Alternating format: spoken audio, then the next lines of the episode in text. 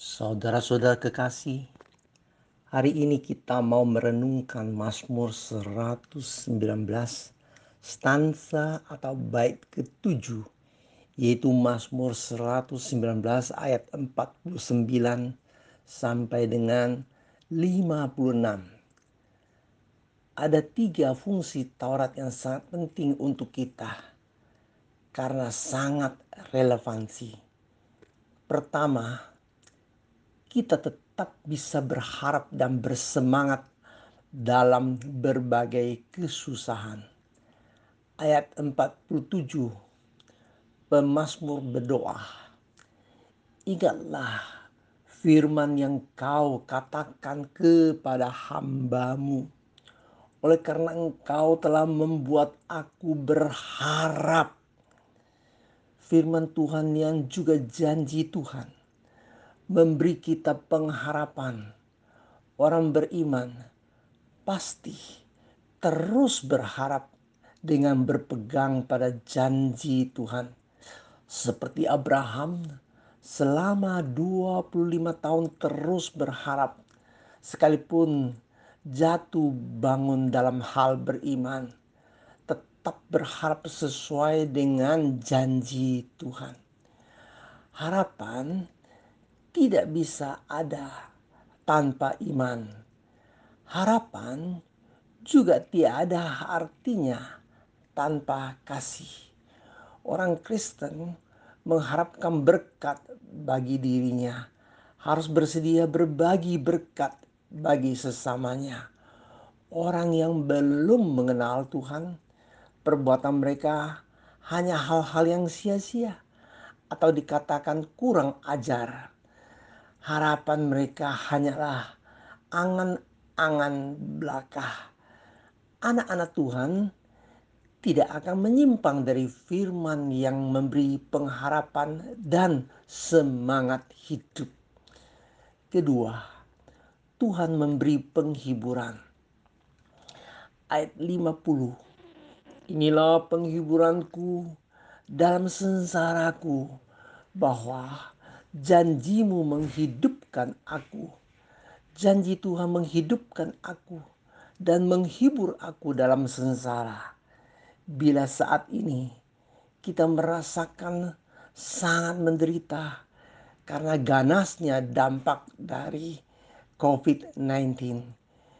Ingatlah janji Tuhan bahwa dalam Tuhan ada damai sejahtera Bila hati dan pikiran kita sedang kacau, ingatlah Filipi pasal 4 ayat 7. Damai sejahtera Allah yang melampaui segala hal, segala akal akan memelihara hati dan pikiranmu dalam Kristus Yesus. Kita harus setia melakukan firman Tuhan ada janji Tuhan di Filipi pasal 4 ayat 9. Maka Allah sumber damai sejahtera akan menyertai kamu. Di Mazmur 119 ayat 52 ada doa yang sangat bagus sekali. Aku ingat kepada hukum-hukummu dari dahulu kala ya Tuhan. Maka terhiburlah aku Firman Tuhan tidak pernah ketinggalan zaman. Hukum-hukumnya ada sejak dahulu. Tetap berkhasiat untuk zaman now. Ketiga, Tuhan memberi lagu-lagu pujian. Ayat 54. Ketetapan-ketetapanmu adalah nyanyian Mazmur bagiku di rumah yang kudiami sebagai orang asing. Coba bayangkan di rumah yang kudiami sebagai orang asing, yaitu dianggap sebagai pendatang atau sebagai orang jauh, bukan orang dekat. Tidak ada suasana kekeluargaan. Di ayat sebelumnya, ayat 53, aku menjadi gusar terhadap orang-orang fasik yang meninggalkan Tauratmu menjadi gusar artinya sangat marah.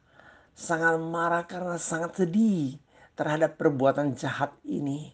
seperti Yesus pernah sangat marah ketika melihat pekarangan bait Allah disalahgunakan. Pemasmur marah sekali terhadap orang jahat yang kurang ajar. Ini kemarahan kudus yang dipimpin roh kudus. Sehingga ada sukacita juga yang dipimpin roh kudus. Ketika di dalam dunia yang fana ini hatinya terangkat ke rumah Bapa yang kekal. Suasana sorgawi penuhi hatinya. Pada waktu rasa terasing dan juga pada waktu malam tetap ada lagu puji-pujian karena penyertaan Tuhan dan pertolongan Tuhan.